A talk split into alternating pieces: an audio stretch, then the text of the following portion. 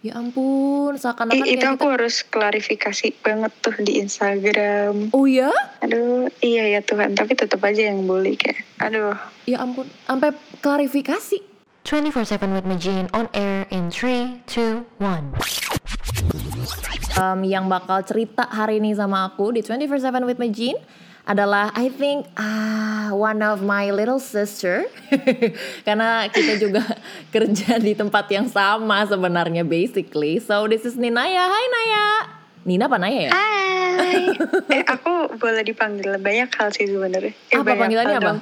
Banyak nama. Nama aku kan nama panjangnya kan Ninaya Ilena Kinanti. Hmm. Tapi orang-orang paling banyak manggilnya Nina. Hmm. Terus em, ada sih yang manggil Naya, Ninai. Hari ini Ninaya mau cerita soal apa? Em, mungkin lebih ke pribadi aku kali ya kayak personal growth atau apa pun itulah yang menyangkut aku. Hmm.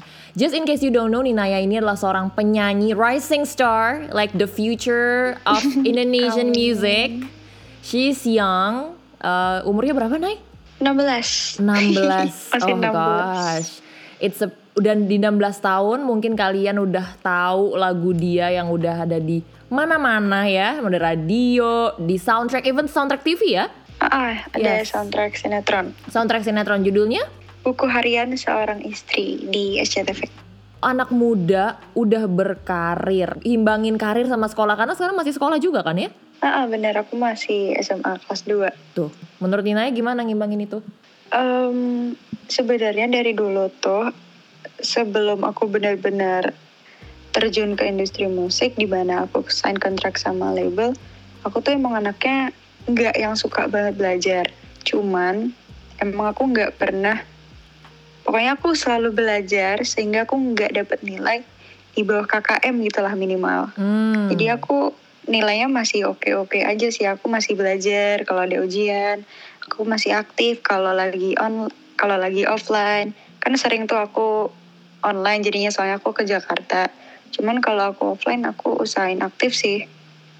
Em, pembagian waktu sama sekolah ya pokoknya sekolahnya selesain. Cuman sekolah aku tuh dukung kebetulan. Jadi kayak misalnya aku harus pulang duluan karena aku ada kegiatan ya udah nggak apa-apa gitu pokoknya tugas-tugasnya tuh jangan kelewatan jangan sampai kacau aja gitu sih tapi alhamdulillah sampai sekarang tuh aku nggak pernah kayak sampai kacau banget sih. Paling ada lah keteteran kayak dikit.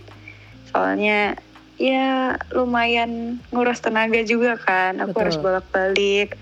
Terus datang-datang tiba-tiba ujian kan. Aduh ya Tuhan. Itu ngebut tugasnya. Ngebut tugasnya dua minggu. Dua minggu kan biasanya aku nggak sekolah. Iya. itu terus langsung aku kerjain cuman dalam tiga hari. Besoknya udah ujian. Kan kalau tugas-tugas kan harus selesai tuh biasanya sebelum ujian Betul. nah kayak gitu tuh Ini realitanya ya, karena banyak banget mungkin teman-teman yang mungkin denger, mungkin bukan public figure atau mungkin hanya pekerja biasa.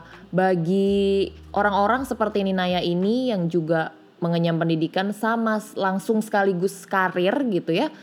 Memang butuh pengertian juga dari beberapa orang untuk ngerti ya, termasuk pihak sekolah. Mm-mm, harus sih Betul. kalau sebisa mungkin harus cari sekolah yang emang mensupport karena kalau nggak gitu nggak bisa berkembang maksimal juga kan Iya. Nah, tapi kalau misalnya soal sekolah nih balik lagi kan berarti kan Nina harus meninggalkan sekolah beberapa kali. Tanggapan teman-teman dan pengalaman soal Ninaya sendiri soal sekolah itu gimana? Eh, sebenarnya sebelum aku sign kontrak sama label itu juga Hmm. kan aku tuh sering ikut kayak audisi audisi gitu kan yang tingkat nasional ini boleh disebutin nggak Boleh dong, boleh dong. We graduated, we graduated from the same competition. It's okay. okay. Oh iya ya benar juga Iya. ya. Karena aku dari kecil banget tuh, aku dari SD sukanya ikut Idol Junior, Hmm, terus The Voice Kids dan kawan-kawannya dan itu kan tappingnya tuh lumayan lama. Betul. Waktu tuh terus berjalan dan semakin waktu berjalan kayak kamu semakin tahu gimana cara ngadepin hal yang sama ke depannya. Jadi sekarang aku udah lebih stable sih. Em, sekarang yang ganggu aku bukan masalah teman lagi karena menurut aku itu udah lewat juga Hmm. karena pertama kali emang hancur banget sih aku ya Tuhan dulu. dulu kan masih SMP. Hmm. Aku tuh juga masih kayak bingung juga kan, baru baru lulus SD terus masuk SMP terus yang ngehit langsung satu sekolah tuh gimana ya? Bener-bener Tuhan. satu sekolah. Satu sekolah serius ini. Oh my god. Aku boleh tahu nggak bentuk bullyingnya tuh kayak apa sih? Apa itu words bullying atau physical bullying atau cyber bullying gitu? Semuanya serius. apa apa pengalaman terparah yang sampai Nina mungkin sampai down, mungkin sampai sakit gitu? ya aku sakit. Aku tuh dulu sakit-sakitan banget. Aku tuh dulu sampai tipes. Setiap tahun tuh tipes dua kali, tiga kali gitu. Jadi misalnya kayak teman-teman Ninaya tuh ngapain gitu? Ngapain Ninaya sampai Ninaya sa- sampai sakit banget? Em, kakak kelas sih. Kalau yang Oke. kalau yang fisik ya, kalau yang emang langsung itu Fisik? kakak kelas. iya, jadi dia kayak ngelempar barang kayak ngelempar apa gitu. Heeh. Terus ada tahu dia kayak ngehadang aku apa ya bahasa Indonesianya? Kayak when you put your leg di depan, Hmm? terus biar kamu kesandung. Jadi dia nyandung aku. Ih, aku dulu tuh. Jadi sebenarnya cerita awalnya itu tuh gara-gara aku tuh pernah kena kena penyakit satu itu loh namanya difteri. Tahu nggak kak? Tahu? Hmm? Nah, difteri itu kan dulu tuh kan jarang banget kan. Jadi kayak masih dianggap penyakit yang sangat langka dan kalau ada satu orang yang tiba-tiba sakit dia bisa nularin semua orang dengan cepat gitu. Hmm, Paham nggak? Iya. Jadi dulu tuh aku sampai di sekolah tuh dibilang pembawa virus. Dan itu terjadi hanya karena kamu sudah mulai berkarir di luar sekolah gitu ya? Iya, pada saat itu kan aku kan masuk dengan kondisi yang emang aku udah dikenal kan, aku udah lumayan dikenal. Yes. Karena ya sebelum-sebelum itu aku juga pernah audisi, jadi kayak orang-orang ada yang ngeh gitu terhadap Hmm. aku. Dan pada saat itu posisinya sebenarnya udah ada yang terinfeksi sama penyakit difteri itu, cuman mereka kayak nggak di up gitu loh. Kan Hmm. orang-orang juga taunya kan aku. Hmm. Jadi dikira aku yang bawa virus. Ya ampun, seakan-akan itu aku kita... harus klarifikasi banget tuh di Instagram. Oh ya? Aduh, iya ya Tuhan, tapi tetap aja yang bully kayak. Aduh. Ya ampun, sampai klarifikasi. ah, ah. Oh. Jadi aku aku upload bukti tes kan pada saat itu aku harus ronsen eh ronsen eh bukan aku harus kayak yang tes jantung itu dan Hmm. kawan-kawannya kan difteri kan tergolong penyakit yang berat ya Mm-mm. terus aku upload tuh hasilnya Hmm. di Instagram sampai aku bilang ini ya udah negatif aku udah upload itu dua kali tapi tetap aja orang tetap bilang aku pembawa virus Sekarang kalau misalnya, kan berarti sekarang sudah SMA. Yang dulu ngebully kamu itu sekarang bagaimana? Ada ada yang minta maaf Hmm. tapi ada juga yang nggak minta maaf terus minta promoin Aduh, 2022 ini memang ya banyak orang yang berbalik yang tadinya menghina jadi tiba-tiba ada waktu nggak ya gitu ya? susah sih susah Nina boleh minta tolong nggak Ah. Iya, Oh, itu dia boleh. tuh. Dan Nina masih bilang iya boleh. aku aku sih orangnya nggak pernah kayak nganggap masalah tuh panjang gitu kayak Wow. ya udahlah yang terjadi ya udah gitu mungkin pada saat itu juga dia nggak clear minded kali ya sekarang pun sama orang baru aku aku juga kayak sangat pilih-pilih ya Betul. Setuju, maaf setuju. maaf banget Cuman Setuju, setuju. emang aku anaknya sangat milih orang-orang yang emang nyambung sama aku karena banyak banget orang di luar sana yang nggak kayak nyambung sama aku dan cuman mau tahu aja aku gimana Hmm. Kalau misalnya ngomongin personal growth yang tadi Ninaya mau bahas. Emang personal growth seperti apa sih yang Naya rasain sekarang? banyak banget sih jujur apalagi dari segi mindset Hmm. Gimana gimana? Um, dari kecil kan aku selalu tumbuh di dalam industri ini kan apalagi di keluarga yang ngerti musik juga. Hmm. jadi kayak banyak banget pelajaran yang emang aku ambil dari aku kecil gitu. Dari aku semenjak aku kecil banget. Dari vocal coach yang aku emang ganti-ganti dari Hmm. audisi-audisi. Itu banyak banget pokoknya. Jadi ya sekarang aku yang sekarang belajar dari pengalaman-pengalaman aku yang dulu sih, gimana aku cara handling people, Hmm. gimana aku cara bisa lebih tenang, bisa lebih control emotion. Karena jujur, em, gimana kita bersikap sehari-hari itu sangat berpengaruh terhadap nyanyi. So Oh ya? please buat kalian yang denger ini, kalau bilang nyanyi gampang, enggak. Dulu tuh aku anaknya belum bisa control emotion. Hmm. Jadi sekarang begitu aku tahu caranya, dalam nyanyi aku, aku juga jadi lebih stabil. Jadi kayak begitu naik gitu temponya, aku Hmm. bisa kayak lebih stable gitu. Hmm. Belum lagi kan nyanyi kan biasanya ada emotion yang emang harus satu lagu itu marah, satu lagu itu slow. Gitu. Hmm. Jadi kayak control emotionnya lebih stable. Belum lagi sikap tuh sebenarnya banyak tau kak. Oh ya? Ah, ah, banyak banget. Misalnya gimana lagi ten- selain emosi? tenang ah, ah, tenangnya Hmm.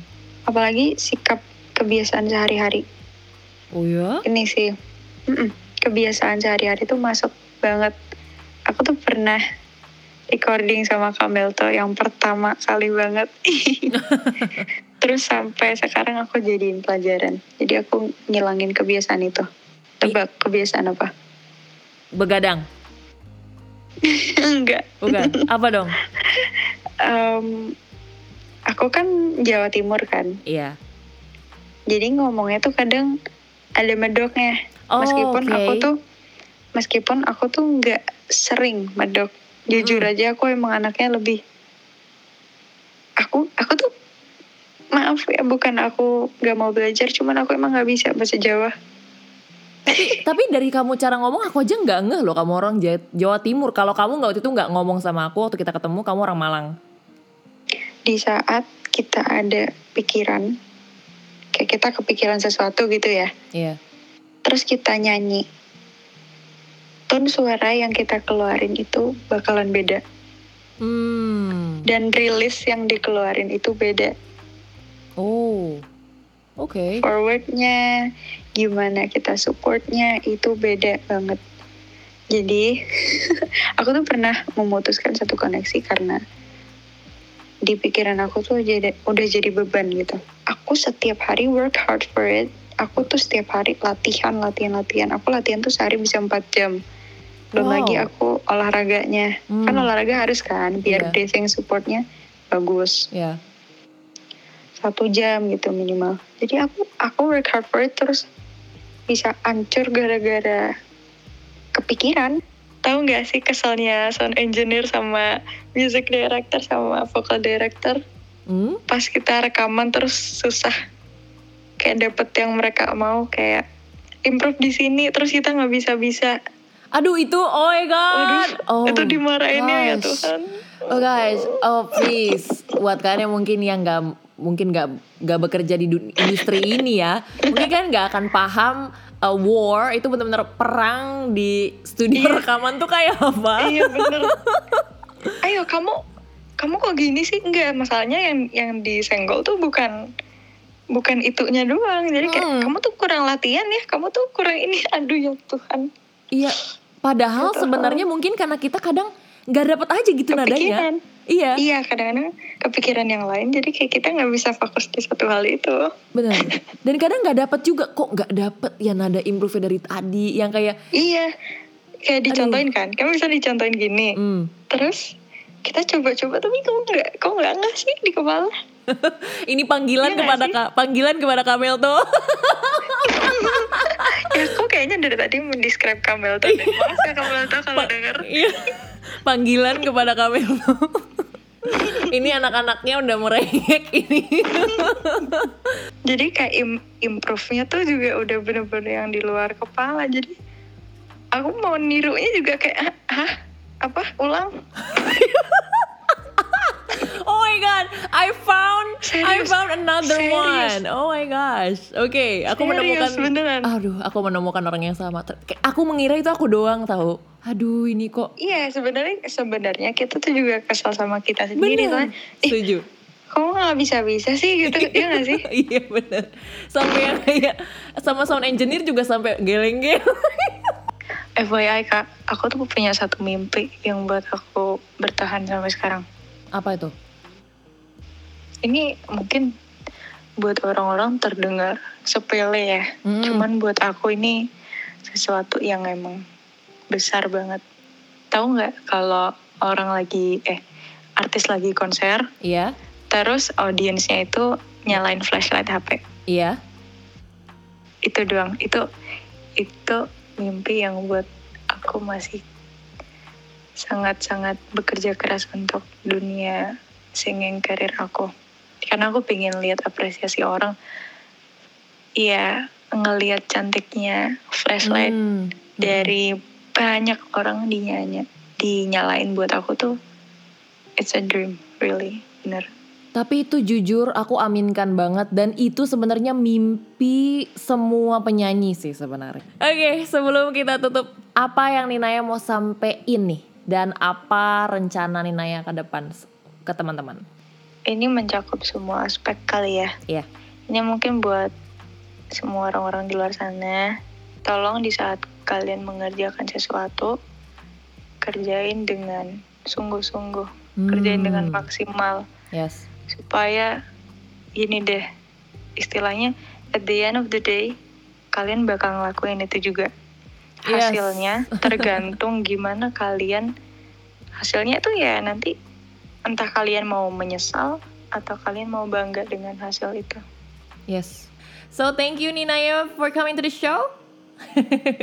terima kasih terima kasih banyak Okay, this is Gabby 24/7 with my Jean, your personal 911. Bye bye.